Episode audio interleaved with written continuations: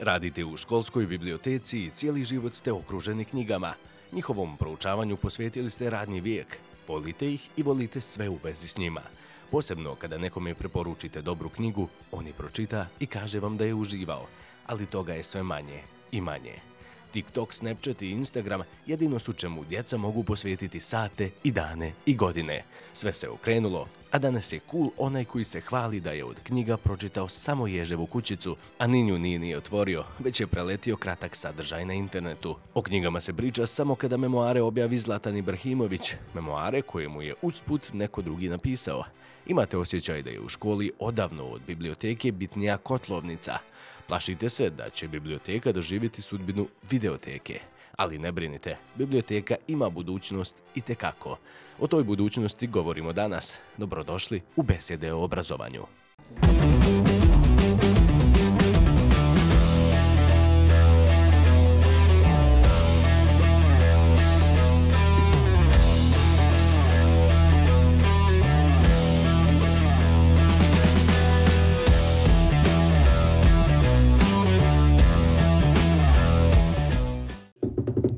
još jedna beseda o obrazovanju, treća sezona, druga epizoda, kolega Namer Ibrahimović. A, pa, dobro došli u, u naše drugo izdanje treće sezone i naravno kolega Nedim Krajišnik.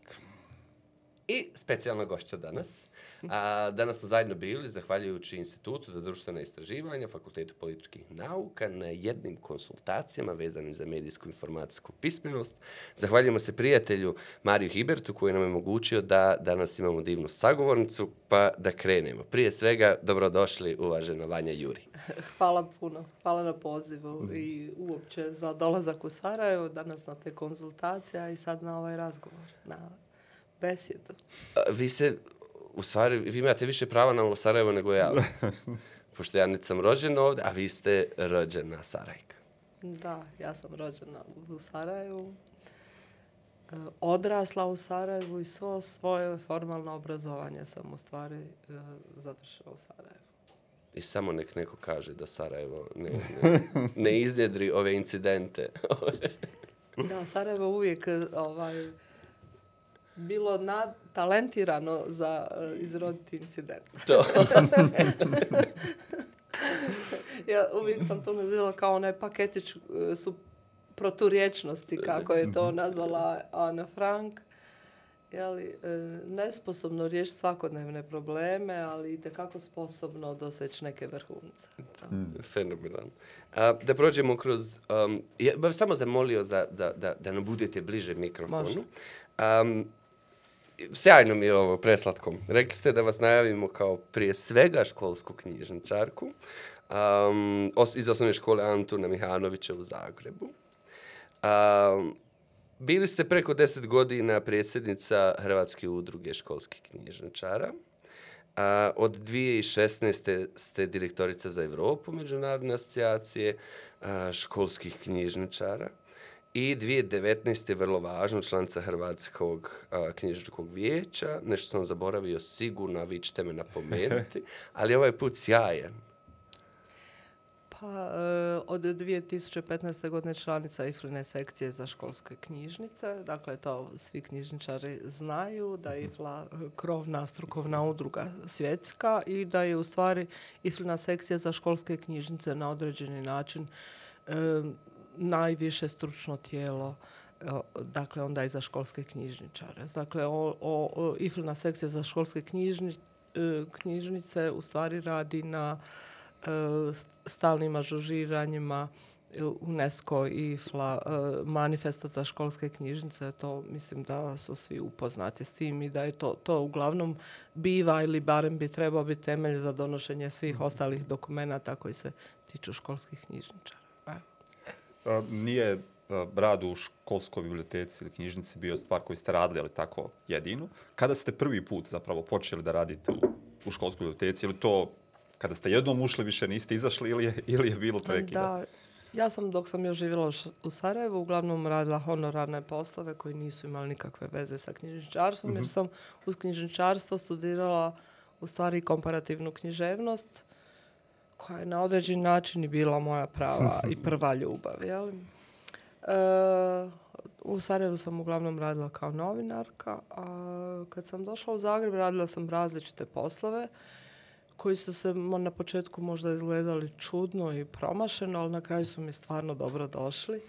I sve što sam radila sam na kraju iskoristila i u, u, i u svom mm -hmm. radu u knjižnici. E, e, Radila sam dakle u IT sektoru, onda sam radila čak i računovodstvene poslove, marketingu i onda kad sam u jednom trenutku sam donijela odluku, to je mhm. shvatila sam da sam potpuno nezadovoljna činjenicom da sve svoje darove e, uprežem za osobnu dobrobit vlasnika mhm. firme u kojim radim, i tada sam donijela odluku da mislim da je barem sam donijela odluku da ću isprobat kako bi izgledalo kad bi onda uh, radila za neko, nešto što zovem javnim dobrom. I najprije sam radila tri godine u Narodnoj knjižnici, mm-hmm. a od 1999. radim u, u knjižnici osnovne škole Antona Mihanovića u Zagrebu. Jel se sjećate to kada ste prvi put ušli? U... Sjećam se. Kako je izgledala knjižica tada. e, mislim, možda je važno za reći, to je možda i utješno i ohrabrujuće za moje kolege. Ja zaista imam vrhunsko obrazovanje, e, općenito jako dobro mhm. obrazovanje, u pravom, možda malo i starinskom smislu te riječi. E, dakle, završila sam gimnaziju općeg tipa. E, i onda sam kasnije studirala svjetsku i usporednu književnost i bibliotekarstvo. E, katedra bibliotekarstva u Sarajevu je bila jedna od najjačih katedri u bivšoj Jugoslaviji i to je bilo jedno od najboljih obrazovanja koje se za tu profesiju uopće moglo steći. Ja kad sam počela rad u Narodnoj knjižnici, mene su dočekivali ono, sa hvalospjevima, jer sam ja imala završen četvrogodišnji studij bibliotekarstva, A u Hrvatskoj i dalje e, postoji samo koncept do diplomskog studija. Mhm. Znači kad završiš neki drugi, drugi studij, onda odabereš to kao neko dodatno obrazovanje. E, to sam sve rekla zato da možda, e, možda mogu razumjeti jel, taj šok. Znači mi smo već tada, ne znam, 80-ih, obilazili oslobođenje koje je imalo svu svoju arhivu na mikrofiševima. Išli smo u Energoinvestov centar gdje su oni bili spojeni sa svim bazama podataka u inozemstvu i onda sam iz svega toga došla u jednu školsku knjižnicu koja ima 32 kvadrata. Od opreme jedino naliv pero. Um, ali Ali sam rekla, dobro, na suhom sam, ne pokišnjava, a sve se ostalo da promijeniti. I promijenili ste. I promijenila sam. Mm. Kako sad izgleda ta knjižnica? Pa moja knjižnica je i dalje mala. Na rubu je onog što standardi smatraju prihvatljivim ali ipak ima 64 kvadrata. Duplo više nego kad ste ušli. Duplo više nego što sam ušla, ali svakako je jedna od najljepših i jedna od knjižnica koji imaju najbolji knjižni fond, jel? što ja smatram temeljem knjižničarskog poslovanja. Evo. Ima li ko da čita? Pa ima. Ima. Ja sam najtraženija osoba u školi kad me nema. Jeli, dakle, svi mogu izostati, to nije strašno, ali ono, opet je nema, jel, nema knjižničarke, tako da je to ono... Zadržavaju odriči. se djeca, jel, tako, osim što imate knjižni fond, jel, prostori u kojem djeca e, mogu da ostanu? Imam čitaonicu, da, da, da, imam čitaonicu sa... Imam posebno stolove za male i za veće. Mogu, može se održati nastavni sat. Uh -huh. Eh, recimo kad je neki književni susret sa manjim učenicima, nekako mi uspijemo staviti čak i dva ili tri razredna odjela, ali recimo bilo bi naravno puno bolje da je veći prostor. Ali nije nemoguće, eh, mislim, funkcionirati ovako. Jeli. Hoćemo sad na, na ova teška pitanja kad smo Aj. prošli ovaj upoznavajući uvod. Može. Danas ste sjajno počeli uh, na, na, na konsultacijama i nekoliko fenomenalnih stvari ste izgovorili i ja bih volio sad da možda malo dublje o njima pričamo. Jedno je nešto što je između možda sentimenta i činjenica, pa da vi da provjerimo šta je. Uh, I usko vezano sa tim je koncept uh, ovih substancijalnih, baznih uh, pismenosti. Prvo ste u jednom trenutku poredili sa, sa krenuli ste sa tom vlastitom pričom, vlastite naobrazbe u nekom periodu i vlastitih, e, ne vlastiti, nego standarda kvaliteta koji su postojale u vrijeme dok, dok ste vi bili bazno obrazovani, a onda ste govorili o tome da, pošto je tema bila medijska informacijska pismenost, a, da smo potpuno zaboravili da djeca danas, a što je evo, komparativne istraživanja pokazuju vrlo jasno, a mi imamo djecu koja su gotovo funkcionalno nepismena. Ili bazno, ne? bazno nepismena. Da, zato što um, kad kažem da sam imala dobro obrazovanje, um, pa stvarno smatram da sam imala dobro obrazovanje. Znači, u, u principu mogla sam se obrazovati dok god sam htjela. Jeli? I, i i na neki način uh, u, u to vrijeme bilo je omogućeno u stvari možemo reći e, pripadnicima svih društvenih klasa ako su dovoljno e, savladali potrebno gradivo da se obrazuju u principu gdje god su htjeli. Um, zašto još osobno smatram da imam dobro obrazovanje? Mislim, mi smo uvijek svi subjektivni i na, uvijek e, na, nek, od, na određeni način navijamo za ono e, čime se mi sami bavimo. Ali on, evo, za, kako bih ja to ipak obrazložila, e, zato što e, i obrazovanje u gimnaziji je uvijek nekako bilo dosta široko, imaš puno različitih predmeta, a ono što se meni dosta sviđalo na našem studiju da, je, da su bili, može se reći, jeli sa puno različitih načina, i, i, i točke gledišta obrađene različite teme i da recimo vjerujem da je u humanističkom području to jedan od boljih koncepata obrazovanja. Evo, zbog toga sam zadovoljna i što smo imali dovoljno vremena i uzeli si dovoljno vremena, stvari možda je bolja riječ, uzeli si dovoljno vremena uh, E, da, da ono što je e, najbitnije u, u povijesti svjetske književnosti ili najbitniji čak i događaj, puno toga je interdisciplinarno bilo povezivano, mhm. što smatram isto da je odlično. I interdisciplinarno, onda i, i, i među različitim umjetnostima. Mhm. Je u stvari se ti nekako naučio kako kako razumjeti stvari, kako razumjeti događaje, znači uzroke, samo ostvarenje i posljedice. Jeli što ja osobno mislim da se u stvari može primijeniti u skoro svakoj oblasti znanja, a najdajmo se i u osobnom životu. Bježite mi od ovo da, da dok se bavimo web alatima 2.0, djeca su nam bazno nepismena. Djeca su nam prestala čitati, da.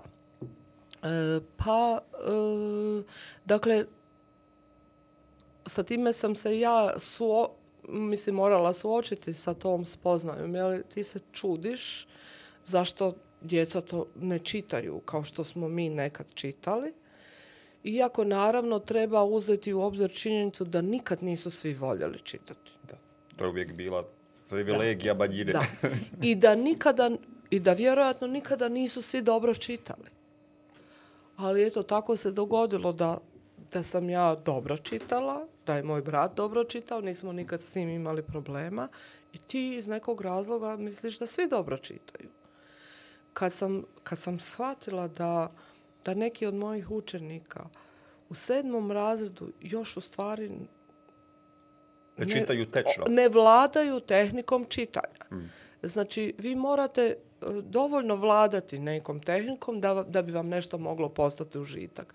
Sve dok ste vi na niskim razinama tehničkim, to je napor. E, vama je to užasan napor. Znači, mi ne možemo e, početi trčati maraton ako ne možemo istrčati 100 e, metara. Znači, jednostavno, taj se dio potpuno previdio. Taj se dio potpuno previđa da jednostavno djeca u današnjem vremenu jako loše u tehničkom smislu loše čitaju. Njima potpuno izmiče smisao. Hmm. Njima potpuno izmiče ne. smisao. Uh, Jer se fokusiraju na prepoznavanje da, riječi. Da, da, oni, ne, bez, oni ne mogu. Dakle, imaju puno manji riječnik, hmm. jeli, eh, ne razumiju puno riječi. Uh, E, ali evo ja bih se možda zaustavila najvažnije je to što, što oni, znači njihova tehnika čitanja je tako loša da je užitak čitanja one mogu jako daleko je znači e, e, ja nisam e, stručnjak pedagog e, nisam ni profesorica književnosti e, pa da bih ja sada mogla reći neki recept kako bi se to moglo popraviti e, ali u svakom slučaju bi se trebao puno veći naglasak dati konkretno na čitanje i pisanje, jeli? znači bez toga daljeg obrazovanja nema. A... To nam je jasno.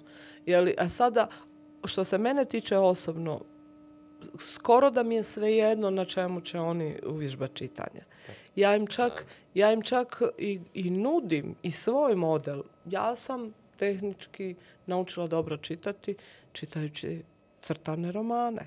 Stripove. Black Stena, Zagor. Da, da, da. Ist, na istom smo. Da. Na istom smo, tako sam ja. Da, da. Znači, ja, i, ja i sam i nabavila jednu pristojnu kolekciju stripova sa željom, jeli, da i oni to počnu e, tako raditi. Naročito dječacima više odgovara mala forma i to te neka ko hrabruje. Ti si za, dva, tri, za dan si pročitao tri, četiri romana. Da, jeli, da, te, I, imaju obibis. Da, da, da. Slika ti pomaže, jel ti nekako brzo, brzo napreduješ. Ja, lakše da konstruiraju dok, tekst i razumiju. Dok, znači, ali, ali mi imamo sad problem. Oni ne znaju kako se čita strip, ne znaju koja sličica ide Aha, prvo. I to, se. jednostavno, potpuno smo mi drugi svjetovi.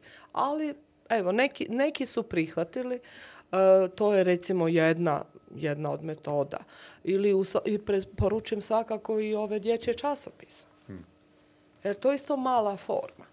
Mala ne. forma koje se možeš vratiti. Pročitao si jednu cijelinu koju si razumio, pa ćeš popodne ćeš drugu, što isto recimo je šteta što više nisu u modi. Ili, jeli?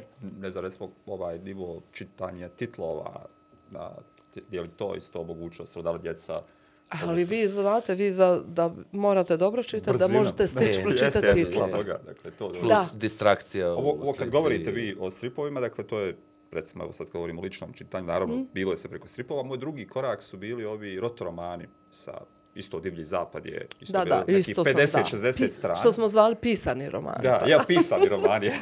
Nisu slike bilo strane ste. Pisani. pisani romani. A, a recimo tu sam ono razbio i to. Dok holiday va. Jes, jes, va ter pjesa da. Ja imam jedan vrlo morbidan način kako da. da. Pošto sam ja ta generacija koja je provela to u podrumu, u nedostatku bilo čega drugog morate da čitate. Tako da evo, možda i da zatvore djecu na par godina pa ne čitaju iz pa dosade. Ne, ali ja, e, znate, s druge strane, nije to baš sve tako ni loše. Jeli? E, e, moje zapažanje, ja sam znala raditi analize, recimo ti knjižni programi omogućavaju, mm -hmm. prate statistiku, pa onda možeš i napraviti analizu. E, ništa manje djeca ne čitaju od odraslih. To je, Ete, je to. to je prva stvar koju trebamo reći.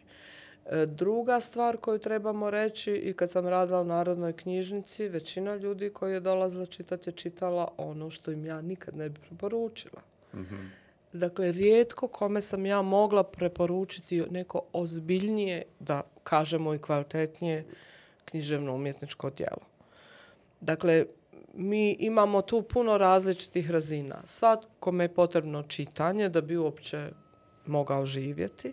Jeli? Ja govorim da je ta, čak neophodno čitanje znakova, inače ćemo poginuti na semaforu. Jeli? Čitanje izraza lica, sve su to ra, ra, razine čitanja i prepoznavanja znakova i njihovih značenja. Ali onda idemo dakle prema složenim, da, da osim što smo razumijeli jel, neki jednostavan tekst i prenijeli informaciju, da razumijemo i dublje i složenije stvari. To je razvoj. Uh, Znači i on prati naš razvoj i naše potrebe. E, osobno smatram da bi škole, osim što obrazuju u smislu posreduju informacije, imaju taj odgojni dio koji nije samo e, e, e ponašanje u svakodnevnici, nego i odgoj ukusa. Mm. Fenomenalno. Ja. Yeah. Da, odgoj ukusa. Znači da mi razumijemo uh, umjetnost, da razumijemo zašto je nešto dobro. Je. E, čemu Estetske nam to služi. Da, da, to je, mislim, to je, to jeste nadgradnja i to ne zanima svakoga. Ali mi to moramo ponuditi. I barem nekima Ali to omogućiti. sigurno obogaćuje da. ljude. Tako to je. sigurno obogaćuje ljude. Naravno, ja se ne bih previše slagala sa tim, ali to njemu ne treba u tom smislu meni je bio dobar koncept e, nekadašnji u kojem bi čovjek jeli, bio stolar i bio vrhunski stolar, ali naveče išao u kazalište i razumio da, da. kazališnu predstavu. E, druga jedna stvar koju ta, ponekad znam reći svojim učenicima kad me oni pitaju pa zašto ću ja to čitati, ne znam, ja ću biti automehaničar. Ja kažem, ali ako budeš automehaničar, svejedno trebaš razgovarati sa svojom djevojkom. Nećeš s njom razgovarati o šarafima to. I jednog dana moraš razgovarati sa djecom. Dakle, a jedino ti književnost pomaže da nekako po razumiješ ljudsku dušu i svoju i tuđu. Mislim, osim ako ćeš studirati psihologiju. Jel?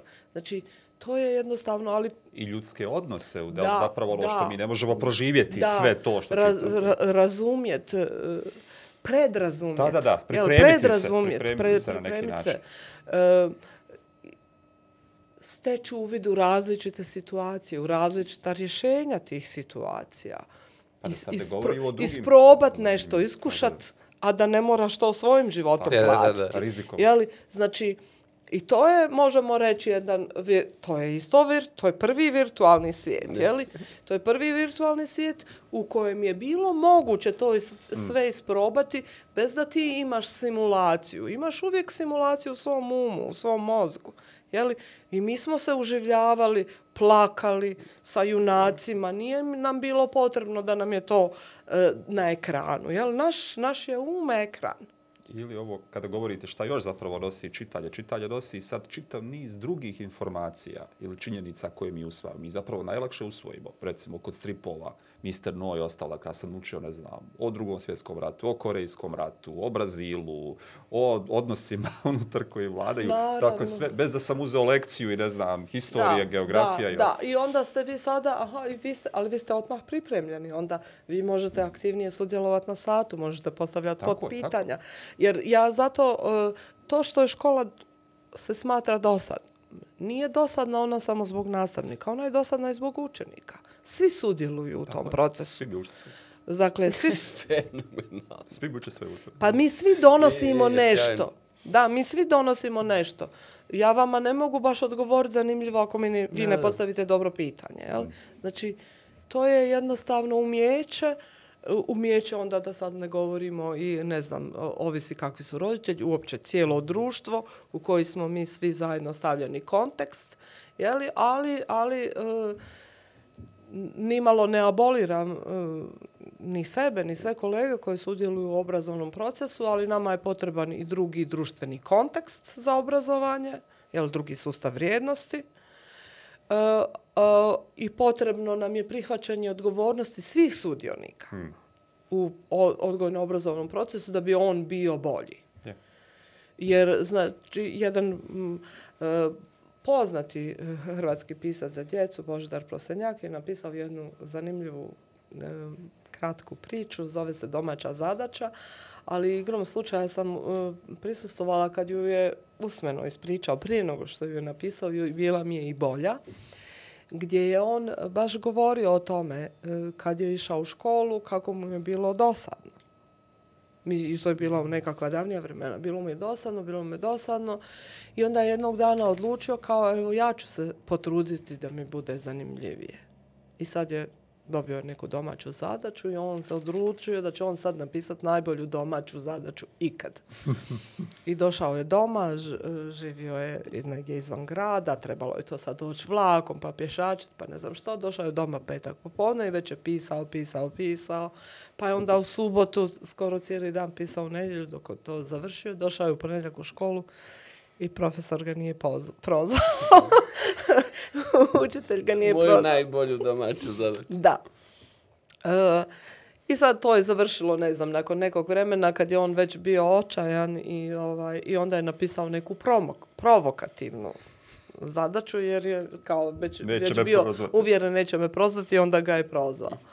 Uglavnom, ali ono što mi je bila mi je ta odlična ideja, aha, što ja dajem u taj proces? Hmm.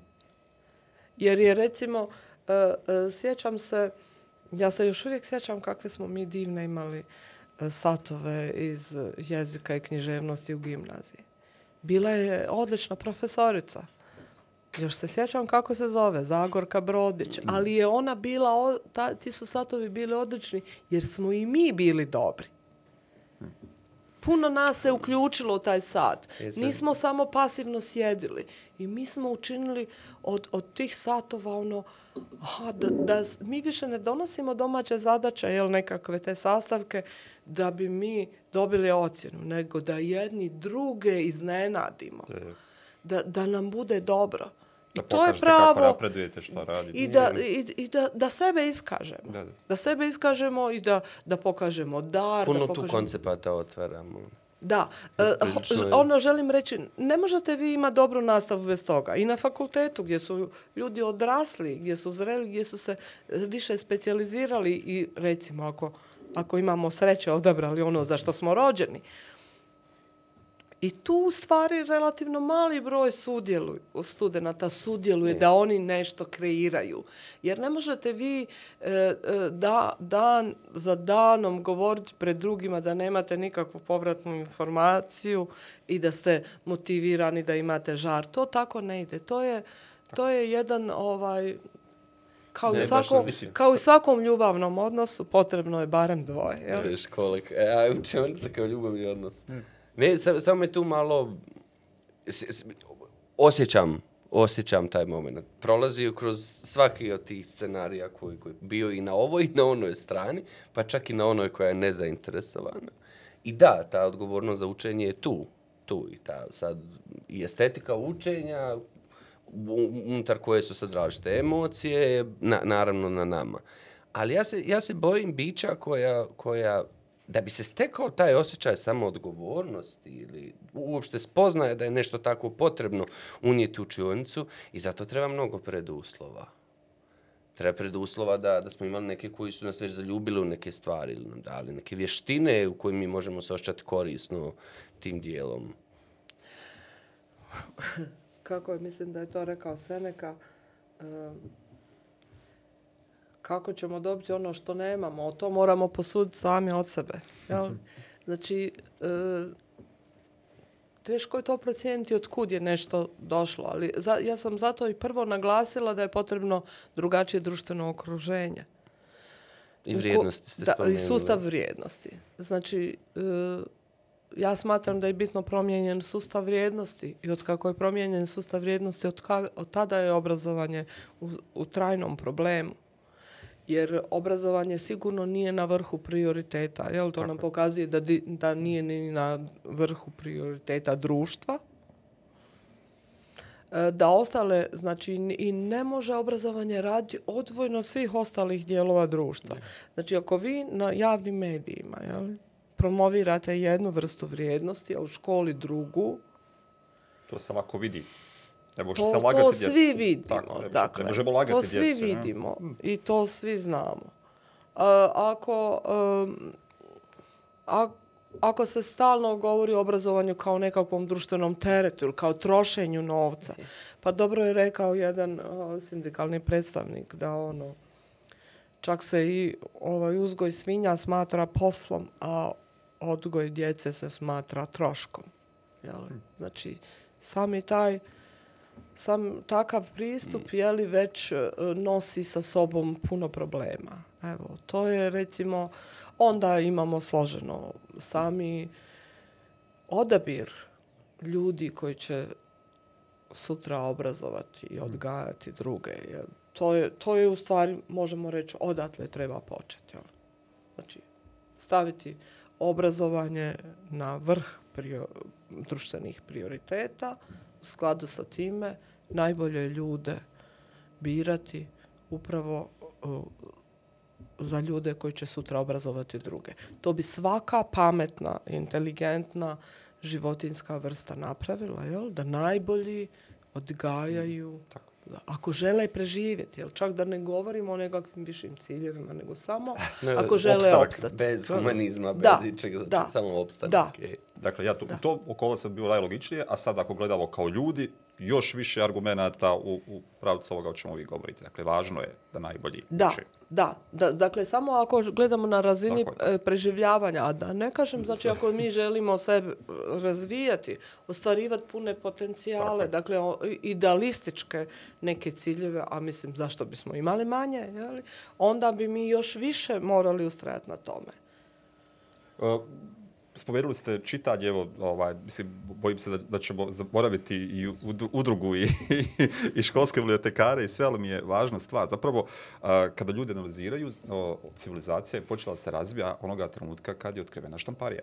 Dakle, nekako ubrzano od koncepta kada, su, kada smo počeli lakše umnožavati tekstove koje je neko mogao da čita, odjednom je i ovaj čitav raz, tehnološki razvoj društva i svega ostalog krenuo. Naravno ima tu i ovih svih drugih. Da, odnosno. on se ubrzao. Ali, ali se ali ubrzao. Možemo reći da, a sad ovisi sve, znate i sami sigurno da postoje brojni prijepor. Platon je već bio nezadovoljan time što se počelo zapisivati. da, da, da. Jel pa da se već samim tim prestalo pamtiti.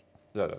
Znači još re, recimo relativno nedavno moj pokojni did, dida jel, je bio dalmatinac, uh, je znao na pamet cijele spjevove.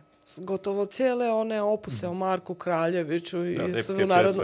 Znači, on je to sve znao na pamet, jer je, jednostavno smo bili dominantno epska e, e, govorna tradicija, bez obzira na to što je bio izumljen stroj. Ali većina ljudi jednostavno nije mm. bila mm. pismena. Mm. Ima, ima društava koje su tak nedavno prisvojila pismenost. Bili, bi jedan je bio svjetski kongres školskih knjižničara u Kataru. Oni su zaista mm. donedavno bili primarno mm. usmena Uspjera. E, kultura. E, a, a to vam je jedan razlog jeli, zašto isto možda se pruža otpor čitanju. To je baš jedna kolegica u Istanbulu držala izlaganje. Ona je Turkinja.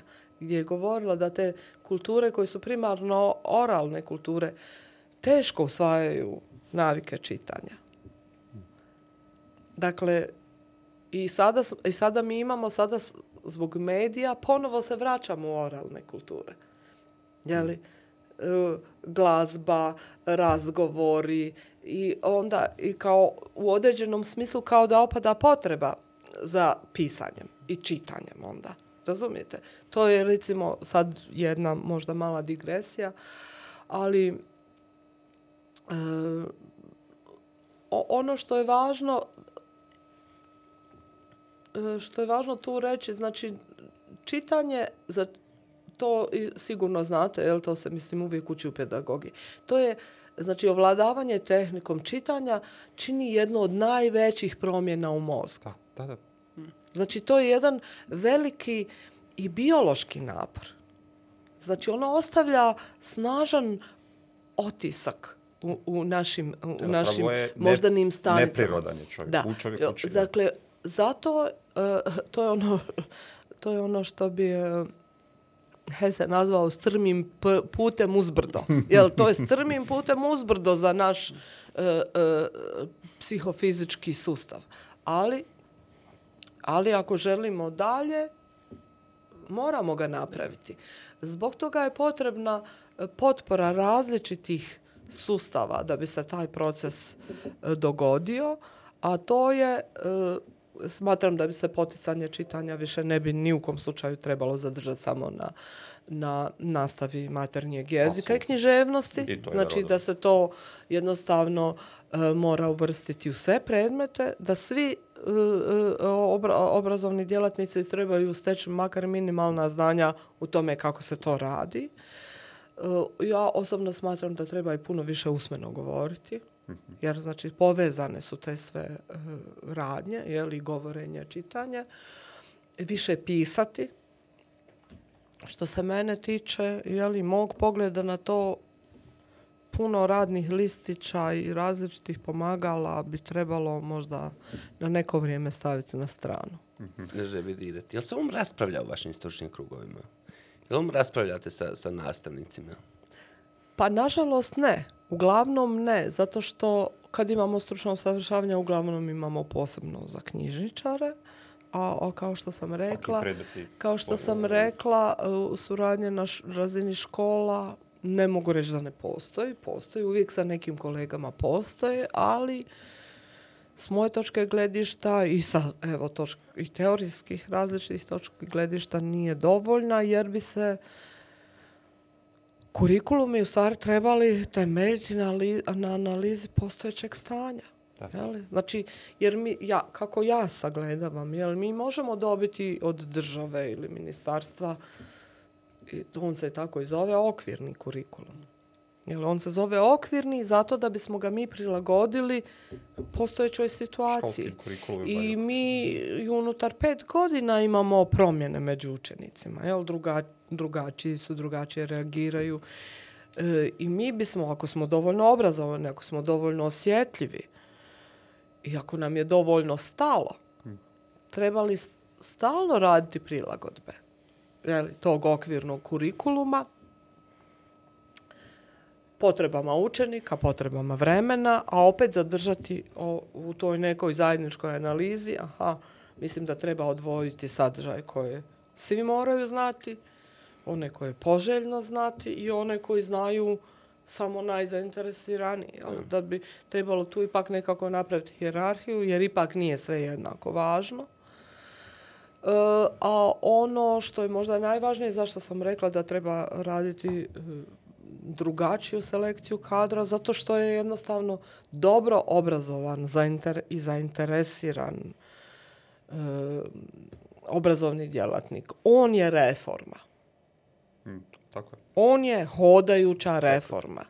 Dakle, on će sam prilagoditi ono što nije dobro, uh, ne mora čekati da mu netko drugi da naputak, da mu da, mu, da, mu da e, odobrenje da bi to napravio, jer jednostavno, jer jednostavno priroda posla, njegovog angažmana, jel svijest o tome koliko je njegov rad društveno važan, će, uči, će njemu dati hrabrost i ljubav, a znanje ima, da napravi ono što je potrebno. Ali preduvjet je ono o čemu ste govorili ranije, da imamo kvalitete nastavnika da, koji zaista da, radi da, svoj posao. Da, dakle, da, to je... Aps, apsolutno. Znači, za o, odabir najboljih, mislim, to vjerujem znate, jeli, recimo, kad se razgovaralo o finskom obrazovnom da, je, čudu, je.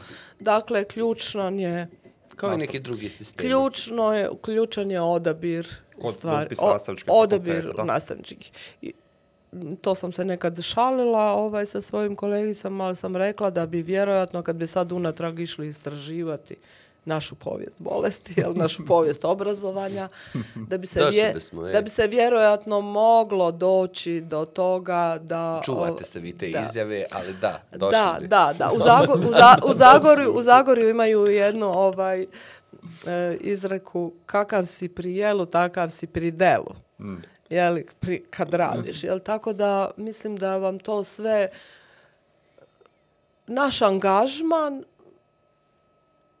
je gotovo uvijek isti. On je dio naše osobnosti.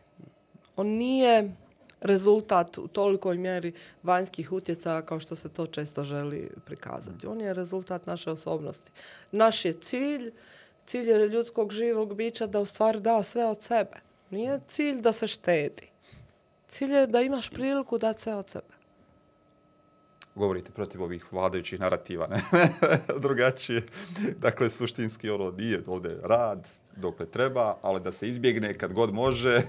pa, a zašto? Pa, mislim, je, ja i svi mi... I obavezno mi... bez ikakve refleksije ja i svi mi smo društvena bića, razumljivo i potrebno nam je društvo, dobro je ako dobijemo povratnu informaciju i tako dalje. To je dobro, ali s druge strane, s druge strane, ja sam ja, ovo je moj mm, život. Tako.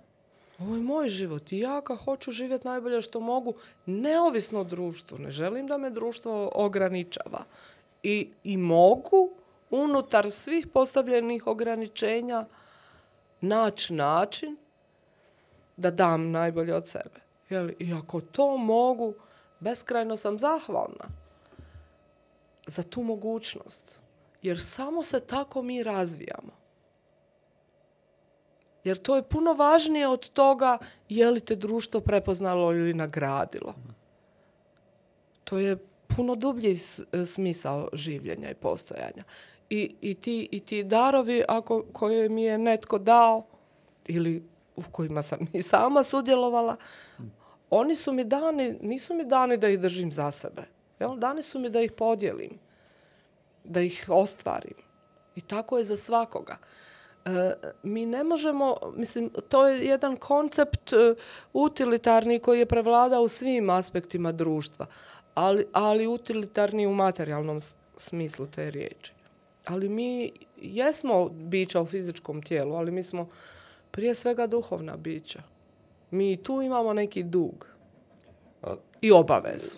Nas gledaju rastavnici uglavnom, dakle publika su nam mhm. nastavnici uglavnom, ali mi hoćemo i bibliotekare kao publiku i ostalo. A, ono što me zanima, dakle, danas ste govorili, malo prije čini mi se spomenuli, dakle, da ste kao bibliotekarka školska i na margini škole, na margini samog obrazovnog sistema. Šta je udruživanje marginalaca donijelo. Dakle, šta ste vi kao školski bibliotekari dobili osnivanjem udruženja i aktivnostima koje radite? Pa u određenom smislu najbolja pozicija sa kojoj možete početi je ta za koju nitko drugi nije zainteresiran. Mm. Jer vam tu niko ne smeta i smatraju te bezopasnim. A onda kad si se već razbio, ne mogu te više tako lako zaustaviti. Jel? Mm. Tako da je... Uh, da ovaj to ne treba nikome e, biti izgledati kao neko ograničenje. Mm -hmm. Nije lako za one ljude koji traže vanjsku potvrdu. Ne, tu smo. Ali je ali za one koji imaju samopouzdanje, znanje bi trebalo dati samopouzdanje, jel? za one koji imaju samopouzdanje, koji znaju kako, uh, ja mislim da je polje otvoreno. Hmm jer tu nema, znači u principu sam si u školi, ja to zovem država u državi, jel, sam si u školi, nitko se tvoj posao ne razumije, možeš ga sam kreirati. Um, možeš biti stvarno kreativan. Ne znam, s moje točke gledišta baš je recimo jedna idealna kombinacija tog praktičnog, hmm. uh, kulturnog, javnog, duhovnog, ostavlja puno prostora da sam napraviš svoj kurikulum, da ga prilagodiš i, svo, i svojoj osobnosti, potrebama učenika, kolega. Ono što je frustrirajuće, znam da je često frustrirajuće za kolege koji iz nastave pređu u knjižnicu, jer kao teško mi je bilo prihvatiti činjenicu da nikad ne zav mogu završiti posao. Jel to je recimo, znači nikad ne možeš završiti jer uvijek, uvijek ima još što bi se moglo. Ali evo, ja mislim da se može puno da se može puno i da i nije samo da si ti napravio taj posao, nego može i, i škola, mo, školski knjižničar može, da, dakle u školi ima puno poslova za koje se ne zna tko bi ih trebao napraviti, ali ih treba napraviti da bi sve zajedno škola funkcionirala. I malo tko može napraviti toliko na tom području da da, da udahne duh školi i da učini puno toga za njenu javnu vidljivost i promociju kao što može školski knjižničar. Jer jednostavno je njegova je pozicija između ost, po, ostalih pozicija. Onda on bi trebao imati nekakve resurse i znanja da to radi. Da ih i objedini, da napravi... E, š, pa ta javna zbivanja su sva nekakva jeli, preteča team buildinga. E, znači, stvarno može puno. I vi ste uradili, uh, dakle, i čitali ovaj dokument knjižnično-informatičke pisperosti, dakle, sadržaja koji su u postojećom kurikulubu, ste uspjeli ponuditi u nekoj drugoj formi, umiješali ste se u ovaj pa obrazovni sistem. Iako vas reforma u oba slučaja nije prepoznala.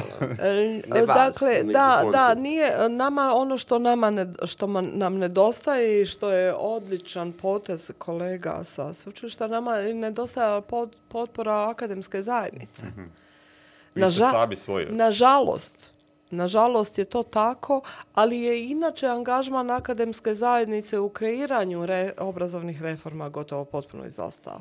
To je isto problem. Je. Uh, I dakle, potrebno je to, ta stalna razmjena informacija, iskustava da bi, da bi to profunkcioniralo. Uh, E, kolegice su napravila taj, taj prijedlog kurikuluma. Mi smo imali prije nekakav dosta jednostavniji taj e, kurikulum e, informacijske pismenosti. Ali opet je to ovisilo i na, od svakog knjižničara za sebe. Ja sam uspjela uvjeriti svoje e, kolege u školi, prije svega ravnateljicu i pedagoginje, da uvrstimo uh, E, taj program u školski kurikulum. Dakle, nije zabranjeno da on bude uvršten u školski kurikulum. Razumijete me? On samo nije na, u, uvršten u nacionalni okvirni kurikulum. Iako je naravno navedeno e, da znači knjižničari ostali stručni suradnici budu uključeni u kreiranje kurikuluma. Ali kažem vam da mi, e, da, da nam je tradicija uh, uh, surađivanja u pripremi nastave jednostavno slaba. Tu govori o kulturi škola, kulturi zbornica, kulturi osobne. To je inače, ja mislim, pro, dosta veliki problem u obrazovanju. Barem koliko sam ja čitala, na, dakle, značajna literatura na tom polju je u stvari angloamerička, dakle to nije samo naš problem. Dakle, postoji Što bi nas trebalo učiniti, je li? Pa ne utješno na, je. E, pa sada nije utješno, znači jel to je očigledno riječ o posebnom načinu funkcioniranja i onda je taj, e, ta, tu je knjigu baš pisao jedan bivši ravnatelj e, e, jedne američke škole i onda je on nazvao da je najčešći model ponašanja nastavnika takozvano paralelno igranje. Znači, ja radim nešto za sebe, ti radiš za sebe, ali mi se ne igramo zajedno. Nemo da dinara. Da, da. To je ovaj... Uh, ne znam, nisam nikada e, ja radila sad nekako da je je li to ovisi li to o psihološkoj strukturi i ovisi li to o obrazovanju nastavnika ili je ili je duboko etablirana kultura ili je ili je jednostavno rezultat e, rezultat samog načina rada jel da svatko radi u, u zasebnom prostoru i moguće je tog sustava je li koji koliko znam, je bio na području e, e, cijele bivše Jugoslavije, da je znači samo onaj dio e, konkretne nastave u stvari izvođene u školi. Sve pripreme je svaki nastavnik radio za sebe doma. Tako je. Jeli, znači škole nisu bile opremljene prostorno, da, nisu, imali, nisu imali opremu i tako dalje, onda radilo se u smjenama, Aha. nije bilo dovoljno prostora, smjenjivalo se, to se sve moralo sad znači, brzo. Sad već nemamo djece pa imamo taj... Da, sad nam se, pri, da, priroda nam je pomogla. da oslobodimo objekte. Šalim se. Ali nije čak i sad, recimo, jer znači Hrvatska kao uh, i želi, a možda i mora, jel, zbog Evropske unije preći na, ne čak na jednosmjenski, nego na cijelodnevni. Da, da, ali to zapravo ugučava jedna smjera. Da, da, ali nije, mi, mi smo to imali, ali to nije isto jedna smjena. Uh, imam dosta kontakta sa ljudima koji rade u internacionalnim školama. Jedna smjena je uh, Cijeli dan? Od 8 do 4, 4, znači, najmanje biti u školi. Znači i naše škole i kad nekako skrpaju infrastrukturu da rade u jednoj smjeni, još uvijek nemaju preduvjete za cijelodnevni rad. Mislim da su pokušali negdje u Varaždinu. Zato, reći, zato, što su vam, zato što su vam zato potrebne i druge stvari. Tako znači je, zajednički prostor. Tako je prije svega. Tako. Da zajedno mogu jesti, da zajedno mogu negdje se mogu družiti. Imati. E, dakle, zato vam je potrebno između ostalog i veća knjižnica. Jeli?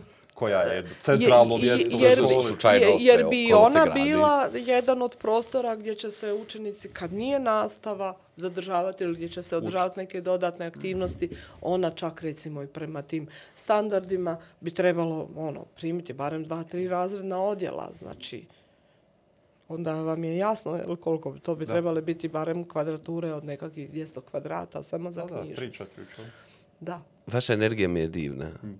Ovo je jako lijep razgovor. Ne, pošto smo namilja malo onako ispali iz forme, a, dugo, nismo, dugo nismo radili prije ove treće sezone. Vi ste nam prva gošća u trećoj sezoni. Izuzetno mi je drago. Hvala. Ali donijeli ste potpuno od, Malo se namir ja isto okružujemo ljudima od kojih znamo šta ćemo dobiti taj, taj moment isto mišljenika, prilično smo svi umorni, ali ovako jedno osvježenje nam je, je, je bilo potrebno. I imate divne stavove, humanističke, ljudske, i to je isto osvježenje. Dobro sam obrazovana. Dobro ste obrazovani. Žao bi mi, e, žao bi mi bilo da ovo ostane naš jedini, jedini susret, iskreno. Pa evo, nadam se da ćemo Vjerovali, se nekako ne, dogovoriti. blizu smo sat vremena razgovarali već. A pošto nam ja imamo jedno u, na, u, na, na koncu svake besede, a, u stvari to tek treba počnemo rad, mhm. raditi, a, preporučimo jednom drugom knjigu ili ljudima koji, koji nas gledaju a kažemo nešto u dvije minutice o, o, o, o njoj, da li bi to vi uradili za nas? A, knjiga. Ne, ne treba biti stručna knjiga. Ne, mo, može biti stručna, može biti militaristika, može biti što god želite. A, pa, to ništa lakše. Mislim, iako konkurencija je uvijek velika, evo, ovaj... Ja ću preporučit ću dvije. Može. Dvije. Um, jednu knjigu poezije od Emily Dickinson, mm. koju Divno. je u suradnje preveo moj nekadašnji asistent Marko Vešović sa mm. tadašnjom asistenticom na, na anglistici Jasnom Levinger. E, dakle, to je u stvari jedini tako veliki prevod na sve ove Jezik. naše južnoslavenske jezike. E, zaista smatram ju najboljom pjesnikinjom svih mm. vremena i e, pjesme su koliko neobične, toliko životne, toliko e, pune, pune energije. Mm, jedinstvene su zato što je ona živjela, živjela u nekoj vrsti do, dobrovoljne e, e, povučenosti. E, Tako da možemo reći da se stvarno nekako iznikli iz njegnog duha i ne naslanjaju se ni na kakvu tradiciju. Evo. Mm. Tako da, e, mis, to je objavljeno nekada u izdanju Veselin Maslaša i bio a je jedna od rijetkih zbirskih poezija koja je rasprodana. Teško e, je pa naći, pa nadam se, Ali nadam se da je negdje možete naći i umnožiti, evo ako budete imali tu priliku, to bi bilo odlično. A druga knjiga koju bi preporučila meni, možda i najdraža knjiga, je majstor i Margarita oh. Mihajla Bulgakova. Super. Vječni klasik. Uh, divna, zato što jednostavno ona daje usporedbu dva vremena. Uh, tadašnjeg vremena u Rusiji u kojem je Bulgakov živio i vremena u kojem je živio Isus Krist. Osobno to mi je možda i najljepša priča o Isusu Kristu. Uh, barem ga ja tako mm. doživljavam, jeli, e, koja je uopće napisana i, i mislim da nam uvijek daje istu mogućnost da mi usporedimo i svoje vrijeme jeli, sa tim mm. vremenom, a naravno kao i svaka dobra priča tiče se svih nas, e, tiče se vremena u, u kojem sada živimo i tiče se nekih vječnih ljudskih vrijednosti. Iako si čekala na njeno objavljivanje? odnosu kad je napisana. Jel? Čekalo, najprije bila, nije bilo dopušteno tako je, da tako. bude objavljena. Tako da, je. da, ona je kao i svaka prava umjetnost subverzivna. Jel? Tako da... Kao svaki pravi podcast mora biti subverzivan. Pa, se, tome sam se nadala. Hvala. Hvala. Poklon ćeš da, da, da kad budete pili kavicu, možete da se sjetite. Ili čaj. Ili čaj. Hvala vam. Za vas. Hvala vama što ste došli. Hvala. Doći ću i neki drugi put. I, kod nas ste uvijek dobrodošli. Dobro. To moram da, da vam kažem. Možemo. Možemo nešto osmisliti ako budete htjeli. Evo, nešto. Mi hoćemo. I Samo ako je subverzivno. Da, da, može. Jer nemamo više vremena ni za što drugo. pa, nisko nema vremena. To je, to je istina. Poštovani e. gledateljice i gledatelji, hvala vam što ste nas pratili u ovom izdanju besjede i vidimo se i naredne srijede.